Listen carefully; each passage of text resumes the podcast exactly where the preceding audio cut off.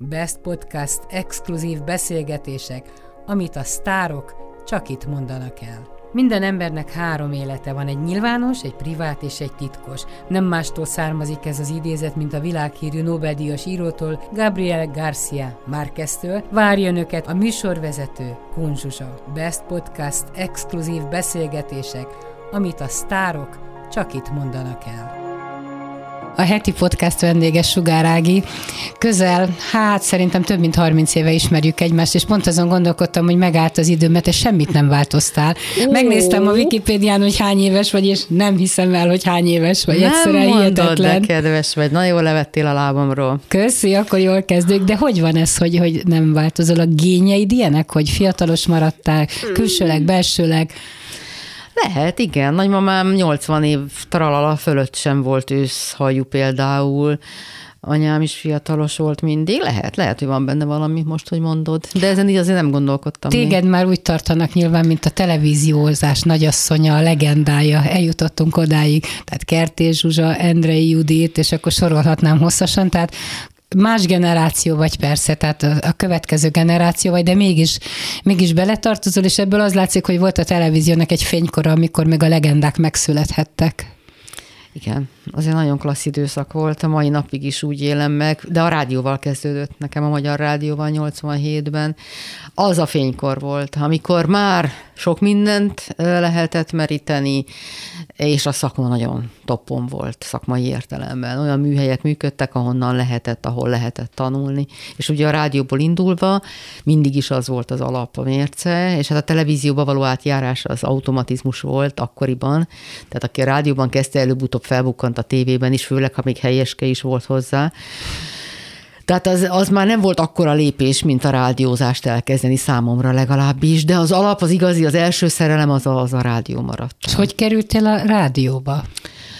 Az pedig úgy volt, hogy én a Vörösmarty gimnáziumba jártam, ami a rádió szomszédságában volt, mm, akkor Makarenko utca, most igen. Igen, a Pródi Sándor utcában Mennyit nevettem nyílik. az anyun, mikor nem tudta az új neveket már megjegyezni. Igen. E, és gyakran jöttek a riporterek ki a gimnáziumunkba, hogyha kamasz véleményeket akartak hallani egy-egy témában, és aztán engem megtaláltak hamar, de Gáspár Sári volt jelesül az, akinek sok ilyen kamasz fiatalokkal foglalkozó, fiatalok problémáival, kérdéseivel foglalkozó műsorra volt, és volt olyan is köztük, amikben rendszeres vendégek voltak a fiatalok a stúdióban, és én éveken át egy ilyen rendszeres vendég voltam a kamasz műsorokban. Tulajdonképpen így kezdődött, de azt nem volt vele messze menő tervem, szerettem, de aztán elmentem az érettségi után főiskolára, és a Sárival megmaradt a kapcsolatunk, mert mindig nagyon jó volt hangot találtunk, nagyon jóban voltunk, és egyszer kérdezte, talán harmadéves voltam, hogy hogy vagyok, és mondtam, hogy hát nem tudom, nem biztos, hogy ez az az irány feltétlenül, és akkor mondta, hogy most indul a rádióban egy riporterképző stúdió, akkor még komoly felvételhez, háromfordulós felvételhez kötötték. Próbáljam meg. És megpróbáltam, és felvettek, és amikor az egy egyéves stúdium volt, mindenki főiskola egyetem mellett csinálta, de tényleg a krémje, tehát a legjabb, a Bölcs István, Rangos Kati, Mester Ákos, Farkas Zoli, ők csinálták. És akkor egy év után én voltam az első, akinek státuszt ajánlottak. Akkor diplomáztam, és választanom kellett, hogy a szakmámban helyezkedem el, vagy a rádióban. Na hát és 80, miért, miért mentél gyógypedagógusnak? Tehát mi volt az eredeti célod? Hát a célom, azt nem mondhatnám, hogy kikristályosodott volt. Azt hiszem, hogy egy egy ilyen nehéz, nehéz lelki állapotú kamaszkorom volt. Magában a kamasság sem könnyű dolog. Apám meghalt 16 éves koromban, 16 és fél éves koromban, tehát a gimnázium közepén, és nekem az egy óriási veszteség volt, és azt hiszem az ő iránta érzett gyász, az a gyászmunka az, ami megrekedt, vagy legalábbis sokáig tartott. És azt hiszem, hogy ez a, ez a befelé fordulás, ez a belső út, és ugye nekem a sport jelentette végig addig a központi szerepet. Tehát Mit sportoltál? Úgy, atlétizáltam. Úgy volt, hogy a TF-re megyek majd, tehát abszolút a sport felé volt ez az egész. Nem volt kitalálva, nem volt ez lefektetve, de valahogy ez volt középpontban. És amikor ő meghalt, utána ez szerte foszlott, nagyon Apás rövid. voltál? Igen, igen, igen, egyértelműen. És ő is nagyon belefolyt ezekbe a dolgokba. És aztán És aztán ez, ez elmúlt. És tulajdonképpen valóban úgy történt, hogy kezembe vettem a felvételi tájékoztatót érettség idején, és megnéztem, hogy hol vannak olyan tantárgyak, amik érdekelnek. És ugye a fejlődés lélektan, pszichológia, itt azért nagyon erőteljesen jelen volt, az nálamnál is nagyobb fájdalommal és nehézséggel küzdő emberekre való odafigyelés, az ő problémájukra való hangolódás, ez biztos, hogy benne volt, ilyen motivációk voltak mögötte, mert valójában az ember 19 évesen, ha nem élt együtt fogyatékkal élő embernek, nem tudja, hogy mit jelent ez. És igazából tényleg ott derült ki, a főiskolán derült már ki, hogy mit is jelent ez valójában. És édesanyját hogy élte meg az édesapád elvesztését? Nagyon nehezen tudok róla beszélni, mindig is nehezen tudtam. Ő nagyon zárkózott volt. Sosem beszélgettünk szerintem erről, ahogy az élet egyéb dolgairól sem beszélgettünk soha nem volt igazán, kibeszélő semmiképp sem volt a kapcsolatunk. Él még az édesanyja? Nem, nem, nem, ő is hamar meghalt. Nagyon ám kivételével mindenki fiatalon a mi családunkban. És azt tudod, hogy ennyi tanulmány után, mert aztán már rengeteget tanultál, rengeteg pszichológiai témájú interjúkat készítettél, és milyen érdekes, nagyon gyakran hallgatlak a rádióban, és mindig az az érzésem, hogy, hogy valami feldolgozni valód van, tehát nem véletlenül keresed ezeket a témákat. Hát kinek nincs feldolgozni Kinek nincs, valója, persze. kezdjük itt. Hát egész életünkben feldolgozni valónk van, önmagunkat keressük, önmagunkat akarjuk meghaladni, nem? Mindig többet akarunk abnál, ahol éppen tartunk. Mindig, mindig, hát most már jó ideje én ezt a többet alatt nem a, kifelé többet értem alatta, hanem a befelé többet ezen van a hangsúly. Kicsit mindig ezen is volt a hangsúly, akkor is, ha ezt nem neveztem a nevén.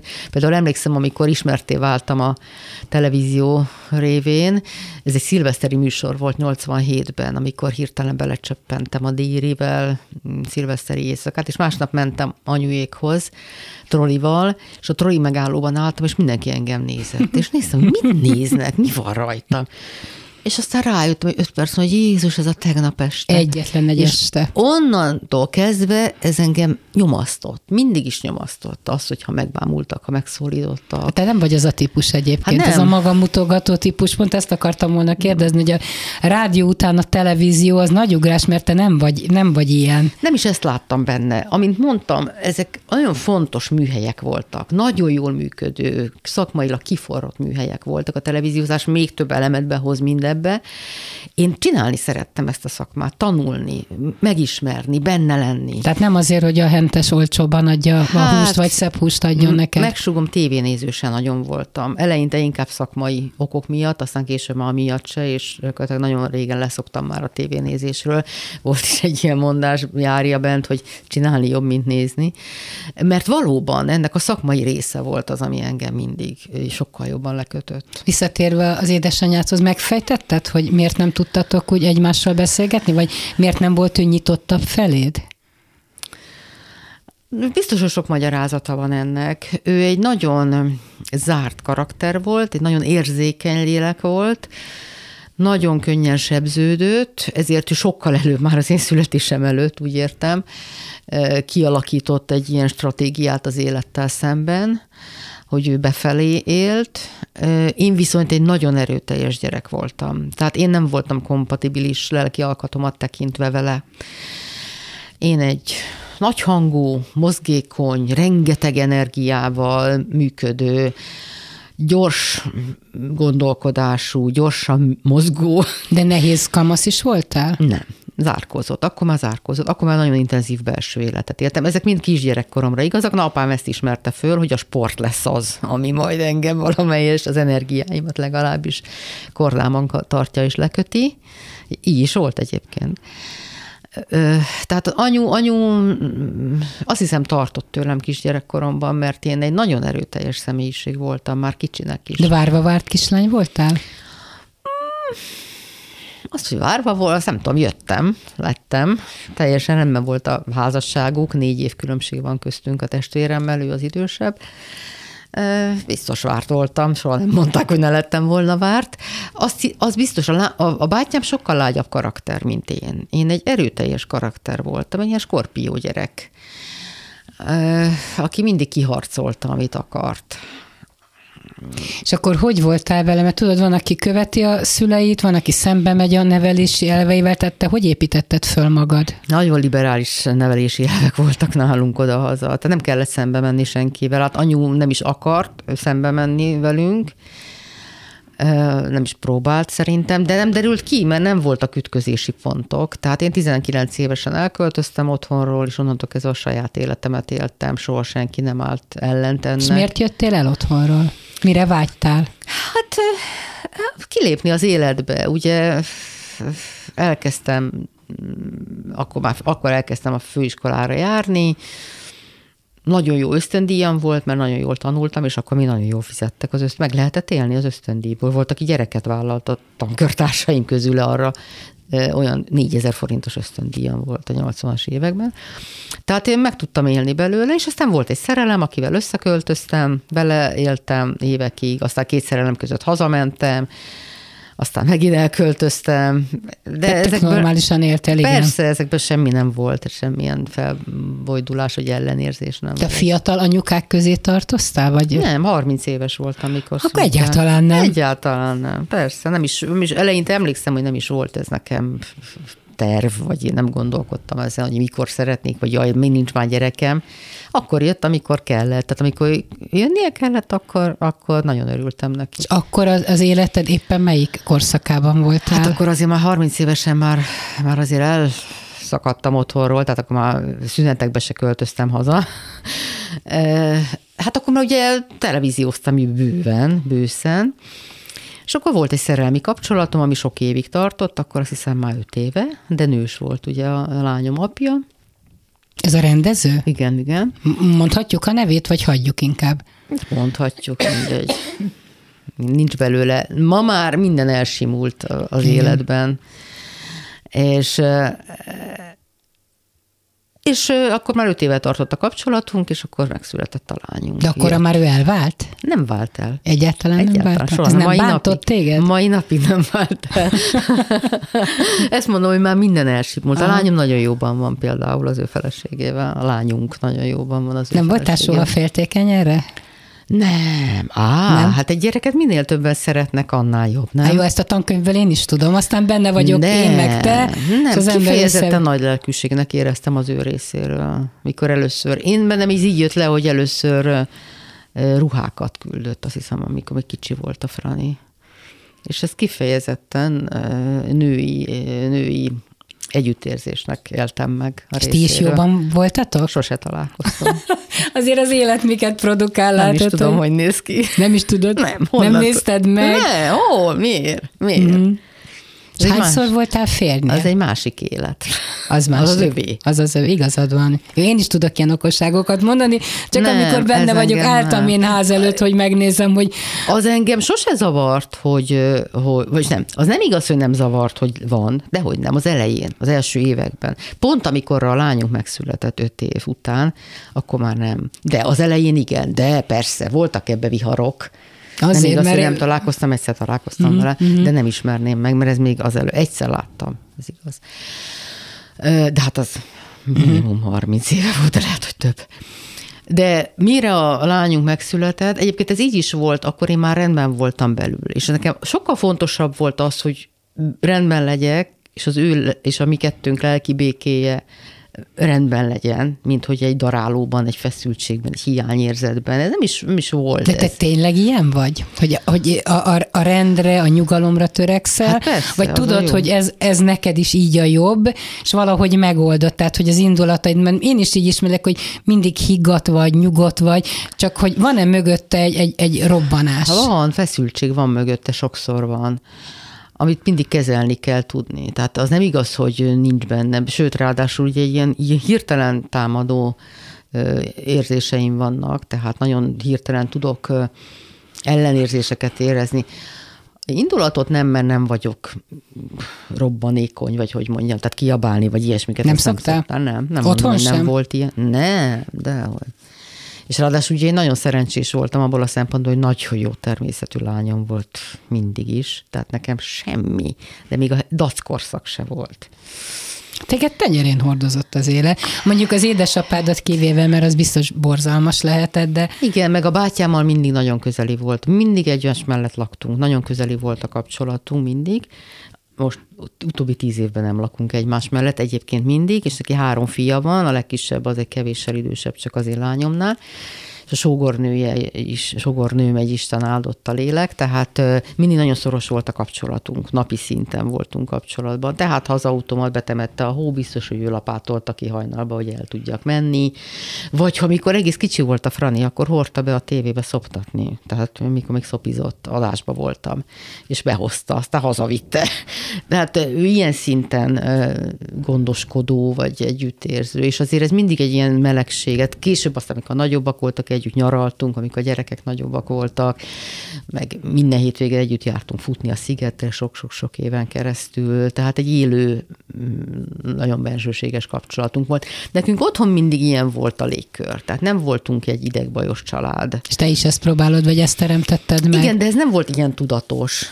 Tehát eh, nem mondom, hogy nem volt az életemben időszak, nem voltak időszakok, főleg a szerelmi problémák idején, amikor hektikusság, idegesség. De, de hát ez mindenki életében az. De ez már szerencsére, amikor a Frani megszületett, akkortól ez már nem. És mi lett Franciskával? Franciska kilencedik éve él Franciaországban, ahogy a neve is. És nem fájt a szívet, hogy mindig el akart menni. Tíz éves korában azt mondta, ő sportoló volt, és beutazta fél Európát már gyerekként. Tehát nem volt neki ez idegen, és valahogy benne volt mindig a képletben, és ő tíz évesen azt mondta, hogy ő Párizsban akar érni, akkor már tizenvalány országban járt előtte. És aztán, amikor gimnáziumot kellett választani, akkor egy francia tagozatot választ, francia tannyelvű gimnáziumot választott, tehát egyszerűen arra orientálódott, és érettségi, uta, érettségi idején normális volt, hogy elmegy oda Franciaországba, megy egyetemre, és most már kilenc éve, most már elvégzett. És mi lett belőle? Alapszakot. Hát forgatókönyvírás rendezés szakon végzett, mesterdiplomát ezen szerezte, egy jó nevű nemzetközi egyetemen. Tehát a filmszakma az, amit választott, bár két egyetemre is fölvették, építésznek is mehetett volna, két helyre. Egy hete volt, hogy annak idején, hogy válasszon, hogy melyiket. Mi az apjával egy kicsit drukkoltunk, hogy hát ha az építészetet fogja választani, de nem azt választotta. Úgyhogy most ott tartunk, hogy most próbál bejutni a szakmába. Egy éve diplomázott. Az, az egyetemi évek nagyon jók voltak. De akkor ti állandóan ingáztok, nem? Meg ő is. Hát a pandémia alatt keveset, egy évben kétszer jön haza, nyáron meg télen, tehát karácsonykor meg nyáron. Én annak idején nagyon sokat mentem ki hozzá, az első öt évben, rengeteget. Hiányzott neked? Igen, meg hát nagyon szoros volt a kapcsolatunk tehát nem tudom hányszor voltam kint, akkor még Montpellierben volt, ott töltött az alapszakot, ott végezte, két, kettőt, tehát első öt évét ott végezte, és aztán került Párizsba, most már negyedik éve él Párizsban, és már a mesterszakot Párizsban végezte. Párizsban csak egyszer voltam kint nála, mert bejött a pandémia. Majd most tervezzük éppen májusban, hogy kimegyünk, és akkor ő szokott hazajönni. Meg hát ugye a Messenger, meg a Skype, Minden. meg a szokás. Az utóbbi években abszolút kutyás lettél, amikor megismertelek, még macskás voltál. Miért volt ez a váltás? Mert azért két különböző személyiség, a kutya meg a macska. Most is lennék, mint macskás, Igen? ha lehetnék. Mindig a macska, valóban mindig a macska. És aztán kertesházba költöztünk, és ott ugye kijár a cica.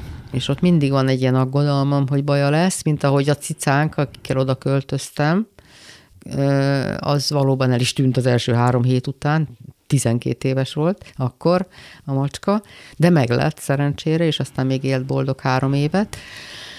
És ezért nem lett cicánk. Én ugye nem lehet egy kertesházban, nem lehet bent tartani, és én mindig félnék, hogy hazajön-e. Úgyhogy végül is lemondtam a macskáról, de nem ezért lett kutya, hanem mert már akkor volt kutyánk, együtt volt a kutya meg a macska, tehát kutyám 20 éve van, a mostaniak elődjei volt az első óriás uszkár, és ilyen Kettő. fajta függő vagyok, már az előző is az volt. Tényleg az intelligenciája és a megjelenése miatt választottam annak idején, és lettem mellette kutyás, az előző. De nagyon beszélek. kutyás vagy. Hát akkor kevesebb időm volt, de őt is mindig, az előzőt Bertát is mindig mindenhova vittem magammal, 17 éves, 17 évig élt, nagyon sokáig Mm, de ezt a kettőt, akik most vannak, hát ők aztán meg végképp családtagok. Ugye nincsenek gyerekek a házban, felnőttek Andris gyerekei is, Renyém sincs otthon, úgyhogy ők a pótlékok. És aztán, mivel valóban nagyon együttműködő fajta, nagyon intelligens fajta, nagyon jól lehet kommunikálni velük, nagyon okosak, kombinálnak, tehát teljesen úgy tudnak, teljesen szervülnek a család életébe, és Na de te ezt is professzionális adnak. módon űzött, tehát amiket csak a Facebookon látok, hogy iskola, meg kirándulás, tehát Hát ez részben nagyon, azért nagyon... is van, mert Andrásnak a fia professzionális kutyaoktató, tehát neki van egy kutyaiskolája is, amellett, hogy világ... András Arató András, igen, hogy igen, nevén igen. nevezzük a gyereket. Igen, a férjemet. igen. és, és tehát így azért háznál van az iskola, nem háznál, mert 5 kilométerre kell elmenni. Tehát az alap volt, hogy az alap meg középfokot ugye elvégzik az iskolában, de mivel az Uszkár rendkívül intelligens, és Anna tanulni akar, és nagy élmény velük együtt dolgozni, ezért újabb és újabb köröket teszünk, és mindig tanulunk valamit. Például most fogunk a két hét múlva elkezdeni egy új sportot megtanulni, mert ők is igénylik. És ezek remek kikapcsolódás, szabadban, együtt a kutyával, akit valóban csak figyelmet, csak szeretetet, csak megértést nyújt. Tehát csak sikerélmény van vele. Te nagyon tudsz szeretni? Hát nagyon, mi az, hogy nagyon? Mit értesz alatt? Hogy kívülről ez nem látszik. Tehát m- nem... Mit értesz az alatt, hogy hát nem vagyok egy túláradó típus, ha erre gondolsz, tehát nem vagyok az az ajnározós, bár az kutyák esetében ez Igen, a kutyák esetében ezt látom. Mondható el. De ők is olyanok, tehát annyira kifejezik ők maguk is a rajongásukat, hogy nagyon nehéz nem elolvadni tőlük. De akkor lehet, hogy, hogy ez a kapcsolat a kutyákkal, meg neked velük, ez egyfajta változást hozott benned.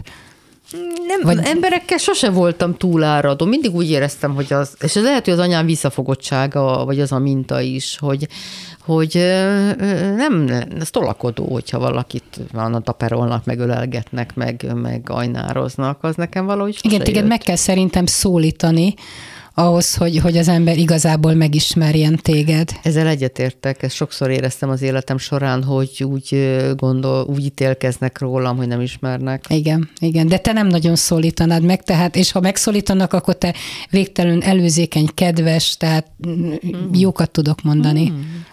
Mondjam még, még, még. Na, ha már Arató Andrást említetted, akkor én emlékszem arra a pillanatra, amikor a rádióban találkoztunk, és ott ültél a, az előtérben, és nem értettem, hogy te mit keresel ott. Emlékszel erre? És megkérdeztem, te mit keresel ott, és mondtad, hogy te vagy az András párja, és de hogy, hogy? Azt hittem dolgozni jöttél a rádióba, de nem, akkor még, még csak ti is ilyen ismerkedő fázisában hát. voltatok, és épp néztem, hogy most már tizedik év vagy házasok vagytok. Igen. Elrepült ez a tíz év. Bizony, de hát már jóval előbb ismertük egymást, mert hogy én 2000 kettőben már dolgoztam a Klubrádióban, és jellemző, akkor még Bocskai Zsolt volt a főszerkesztő. A Zsolttal együtt végeztük annak idején azt a riporterképző iskolát, amit emlegettem az előbb. Tehát innen volt a mi szakmai ismerettségünk. És én 2002-ben, akkor volt friss a rádió, nem sokkal előtte indult, év elején én három hónapig dolgoztam a rádióban, nem belsősként, heti egy műsorom volt. Mi volt a műsorod? Az volt a címe, hogy illúziók nélkül. Ilyes már akkor. És jellemző, hogy a Zsolt bemutatott Andrásnak, személyesen nem ismerjük egymást, és utólag András azt nem is emlékszik erre. Benne a mély, mély benyomást ez nem tett biztos. Én is emlékszem rá, hogy láttam rajta, hogy fejben tök máshol van. De aztán pont épp jött egy váltás, kormányváltás 2002 tavaszán, és én nagyon hamar, tehát három hónap után visszamentem a televízióba. Ennyi volt a korábbi ismerettségünk, és aztán tudott, én is tudtam róla, ő is tudott rólam, mint tudok kiderül, de nem voltunk személyes ismerettségben. De akkor hogy jött? Van Egy olyan... színházra emlékszem, hogy egymás mellett ültetek talán? Nem, előbb kezdődött, volt a pozsonyi piknik, van még, talán nem tudom, fénykorában, a pozsonyi piknik fénykorában, ugye oda mindenki kilátogatott, és ez 2011-ben is így volt, én is, ott voltam a többekben, és mikor már jöttünk el, akkor Andrá, volt egy klubrádió stand, és András is ott. És épp a Gáspár Sárival beszélgettünk az Andrásék standja előtt. És András is nem volt más dolga, és bekapcsolódott, és ott, ott beszélgettünk. És ott megemlítette, hogy neki másnap kiállítás megnyitója lesz, és elhívott. És én a lányom apjával nagyon jóba voltunk, mi mindig jó barátságban voltunk, és jó, és elmentünk. Elvittem a lányom apját is. Nekem azt meg sem fordult a fejembe, hogy én ezt egy gesztusnak véltem, és udvariasan elbeszélgettünk ott is. És aztán ennyi. És egy fél évvel később, tehát már 2012-ben történt, egy rendezvényen találkoztunk valóban, és ott rögtön oda jött, és elkezdtünk beszélgetni, és aztán egy színházi előadás kezdődött, amit a Momentán társulat tartott, Bódi Gergőjékkel, és akkor a nézőtéren mellém ült, szabad volt a helyválasztás, és a nézőtéren mellém ült, és ez egy vidám felszabadult este volt, ugye ilyen kooperatív játékokat játszanak a Momentánnak, ez is az egyik profilja. És akkor ott már nagyon könnyen jött ez a dolog, és akkor on, tulajdonképpen onnan datálódik. Egyébként április 4-e volt, ez szép. És az, azóta Andris felszabadulásunk ünnepének hívja április 4-ét. Vagy a rabságom ünnepe. Nem, ő ezt abszolút Nem, úgy élte meg, csak. és azóta is így éli meg, úgyhogy mi egyébként arra? ezt is ünnepeljük, tehát ez az évfordulónk április 4-e, nem és a gondoltad van, hogy létezik még ilyen késői, vagy késői szerelem? Vagy vágytál rá? Vagy mire gondoltál? Nem voltak ilyen típusú hiányérzeteim. Én nagyon jól el voltam ugye nem titok, nagyon jól el voltam 49 éves koramig a bőrömben. Én sose gondoltam, hogy a férhez meneteltől lenne teljes az életem, vagy hogy ez ilyen fontos lenne. Biztos férhez tudtam volna menni többször is, ha akartam volna. De az András az első férjed? Nem, ő a második. Volt egy egy hónapig tartó házasságban, mert ilyen hirtelen ötleteim is voltak korábban, nem gyakran, azt azért hozzáteszem. És tehát én nekem kompakt, nekem egybe volt a lányom, akkor már nagy volt, le, akkor érettségizett, igen, akkor érettségizett. Hmm, nem volt ilyen fajta, nem volt bennem egy ilyen várakozás, vagy hiányérzet. Tudod, hogyha az emberben van egy ilyen görcs, akkor ezek nem, nem is szoktak megtörténni Pontosan. a dolgok. Pontosan. Nem, nem volt semmilyen, nem volt, jött. Egyszer csak ott És volt. jó? Jó, nagyon jó fej, nagyon szórakoztató, nagyon jó humora van. Nagyon nagy szíve van, mindjárt elsírom magam. De édes vagy.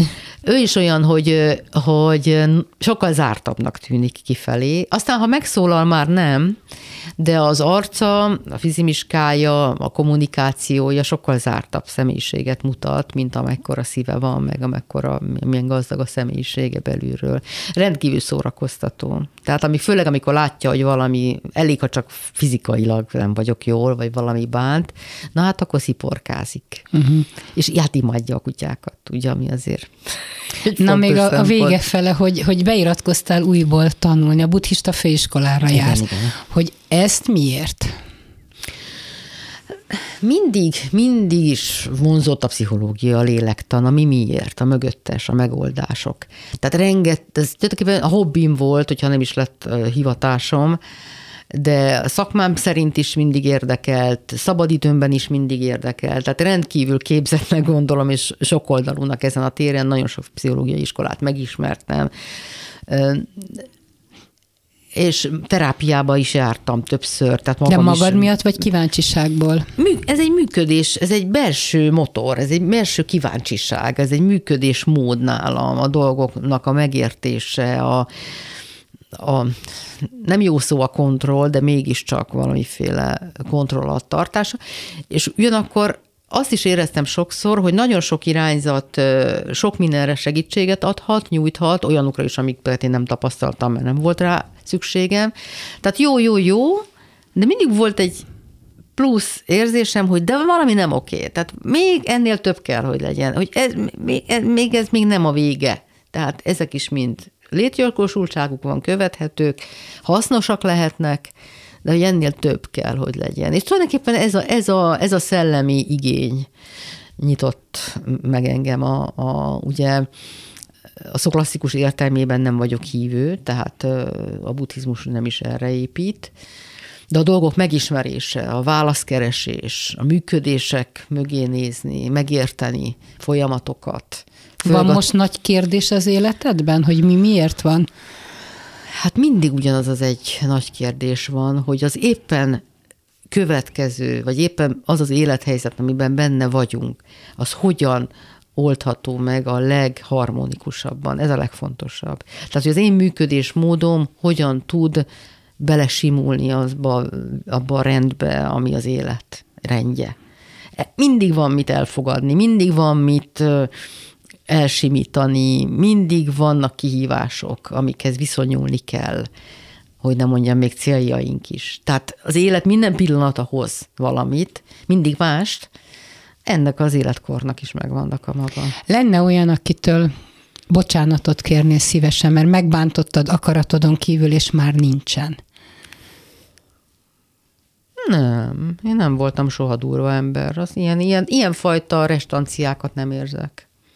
Nem, nem, azt hiszem. De szereted kibeszélni, hogyha valami konfliktusos helyzetben vagy, vagy csak akivel lehet. Tehát ha azt érzem, hogy nincs rá nyitottság, az nem. Tehát forszírozni nem, semmit nem lehet. Tehát akarata ellenére senkit nem lehet. Nem. Azt, én, én se szeretem, hogyha az én piros körömön belül ö, tobzódik valaki, fordítva én sem szeretek mások piros köreim belül tobzódni. Szeretnél másik országban élni, vagy máshol? Szeretem azt a szellemi nyitottságot, amit Nyugat-Európa képvisel. Olaszországot szeretjük nagyon, ott nagyon szeretünk, és nem csak a nyarak, nem csak a klíma miatt, hanem egyáltalán azt a kulturális örökséget, azt a működésmódot, ahogy léteznek, ahogy a bőrükben vannak Ilyenfajta elvágyódás nincs, hiszen ez a hazám, meg már nem vagyok húsz éves, és a lányom példáján keresztül tapasztalom, hogy hiába nagyon nehéz, hiába beszél nyelveket fantasztikusan, hiába végezte ott az iskoláit, hiába fiatal és még rugalmas, ezzel együtt borzasztó nehéz gyökeret ereszteni. De ő már nem jön haza. Nem, nem akar, szándékozik. Nem akar, nem akar. Hát ugye ott szocializál, ott lett felnőtt, ott szocializálódott. Van három középiskolai barátnője még itthonról. Igazából senkit nem ismer a családon kívül itthon. Tehát most már minden oda köti, nem mondom, hogyha, hogyha olyanok lennének a körülmények, akkor nem fontolná esetleg meg, de nem is olyanok a körülmények, tehát nem, így nem merül föl.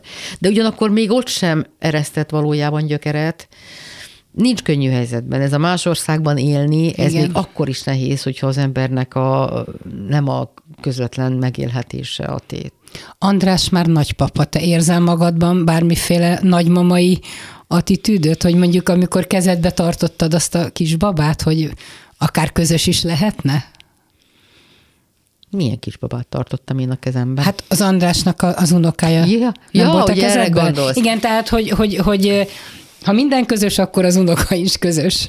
Nem, ez azért nincs így teljesen. Nincs így? Nem, nem, nincs így teljesen. Nem, nem. De még, még, még korainak gondolnád saját Nem jogom. gondolkodtam én ezen sem. Úgy gondolom, hogy mindennek van az, megvan az ideje. A lányomon látom, hogy ő nem, hát semmilyen, sem az életfeltételei, sem az érdeklődése, semmi nem, hát most 28 éves semmi nem tehát ilyen elvárásom pláne nincs. Tehát azt látom, vagy azt szeretném, hogyha neki a legharmonikusabb lenne, és a legműködőképes is. És ha lesz majd ideje a dolognak, akkor majd lesz. Amikor cicája volt, nemrég halt meg a cicája, amikor cicája volt, akkor a cica volt a közös téma, ha olyan volt, akkor ugyanúgy beszélgettünk róla, mint egy unoka lenne. De nincs bennem előzetes elvárás ezzel kapcsolatban. Nagyon szépen köszönöm Sugár Áginak. Én köszönöm az érdeklődést. Best Podcast exkluzív beszélgetések, amit a sztárok csak itt mondanak el. Minden embernek három élete van, egy nyilvános, egy privát és egy titkos. Nem mástól származik ez az idézet, mint a világhírű Nobel-díjas írótól, Gabriel Garcia Márqueztől. Várja önöket a műsorvezető, Kunzsusa. Best Podcast exkluzív beszélgetések, amit a sztárok csak itt mondanak el.